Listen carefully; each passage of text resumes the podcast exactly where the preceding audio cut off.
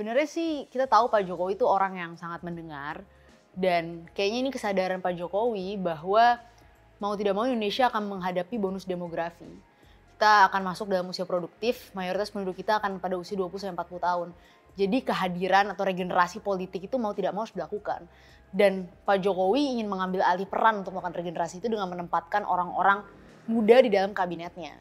Dan aku pikir itu ide yang bagus, tapi uh, yang kita harus tekankan juga usia penting, kemudahan itu penting, tapi tetap kita harus kedepankan meritokrasi bahwa anak-anak muda yang duduk di pos-pos kementerian atau pos-pos kabinet itu harusnya anak-anak muda yang betul-betul paham masalah, betul-betul punya kemampuan manajerial, dan dia paham, punya planning tentang apa yang akan dilakukan dalam pos kementerian tersebut. Sebenarnya itu nggak ada kaitan sih, itu relatif ya. Tentu kalau misalnya orang punya pengalaman, kita lebih gampang lihat track recordnya dan bisa anggap oh ini mungkin layak. Tapi secara bersamaan kita tahu juga bahwa banyak orang-orang yang kita anggap berpengalaman dan kita anggap layak, misalnya punya banyak gelar, tapi ketika memimpin jabatan publik juga nggak memiliki prestasi apa pun. Jadi pengalaman tidak bisa dijadikan satu-satunya alasan kenapa seseorang layak atau tidak layak menduduki pos kementerian, meskipun itu indikator yang sangat penting untuk lihat rekam jejak dia. Bisa jadi anak-anak muda yang masih fresh, yang mereka belum punya pengalaman, ketika diberi kesempatan untuk duduk di pos kementerian, atau mungkin ada yang terpilih jadi anggota dewan, mereka bisa bekerja dengan baik. Jadi nggak bisa jadi satu-satunya indikator.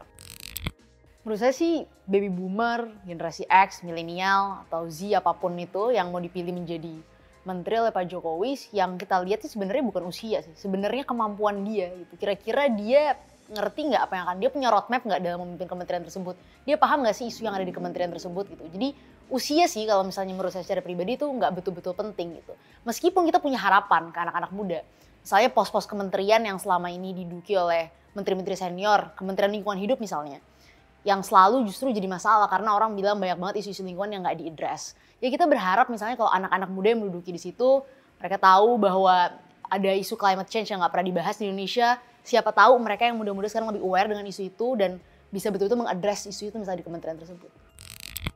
Ya sebenarnya sih pos-pos kementerian yang menarik untuk diisi anak muda ya karena kita punya harapan kalau anak-anak muda akan aware terhadap isu-isu tersebut misalnya ya Kementerian Pemuda dan Olahraga. Karena Kementerian Pemuda dan Olahraga ini lebih sering membahas olahraga aja tapi nggak pernah membahas sisi anak mudanya. Padahal banyak banget isu-isu anak muda. Misalnya kenapa kok Kementerian Pemuda dan Olahraga ini hanya urusan olahraga hanya soal atlet dan lain sebagainya? Nah, apa aspek kepemudaannya? Misalnya soal lapangan pekerjaan emang itu hanya urusan Menteri Ketenagakerjaan kenapa itu juga nggak bisa masuk dalam arena yang dibahas oleh Kementerian Pemuda dan Olahraga misalnya? Dan juga misalnya Kementerian Lingkungan Hidup seperti yang tadi saya bilang gitu Kenapa sih Kementerian Lingkungan Hidup itu misalnya kayaknya lebih fokus mengurusi AMDAL dan lain sebagainya. Kenapa nggak mencoba untuk membuat roadmap gimana nih mengatasi masalah lingkungan kita saat ini gitu, polusi, tuh akses air bersih dan lain sebagainya. Itu kalau anak-anak muda ngisi kita harapkan lebih memahami hal-hal seperti itu. Karena banyak orang yang bilang kementerian menteri kita yang senior ini kan memang sudah lebih agak hati-hati dalam mengambil keputusan. Karena isu lingkungan itu isu yang sangat berkaitan dengan korporasi dan lain sebagainya.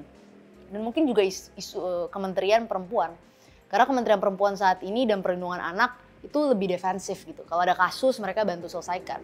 Tapi nggak pernah misalnya mereka promote gender equality dan lain sebagainya itu hal-hal yang jarang. Jadi kalaupun dipromot pemberdayaan perempuan mereka hanya bicara perempuan sebagai ibu tapi nggak pernah bicara perempuan sebagai perempuan yang setara dan lain sebagainya. Jadi kalau misalnya Pak Jokowi mau mengisi pos-pos kementerian dengan anak-anak muda, saya kira tiga kementerian itu bisa diisi dengan anak-anak muda yang mungkin lebih progresif dan lebih uh, tertarik dengan isu-isu terkini dibanding dengan hal-hal yang agak-agak konvensional. Dan juga mungkin Menkominfo dan Kementerian Pariwisata misalnya. Karena juga Kominfo itu sekarang adalah hal yang sangat penting. Kita tahu bahwa Kominfo juga membantu eh, kalau misalnya kita bilang menerbitkan regulasi, justru kita butuh deregulasi untuk teman-teman startup dan itu perlu diisi sebenarnya dengan orang-orang yang paham tentang isu teknologi, tentang isu startup gitu. Juga misalnya sebenarnya banyak juga hal-hal lain ya, tapi ini juga nggak kaitan sama muda. Orang-orang yang paham teknologi misalnya didudukin di Kementerian Pendidikan supaya memahami gimana kita mendigitalize pendidikan kita biar nggak setiap tahun kita cetak buku dan buang-buang duit untuk membeli buku.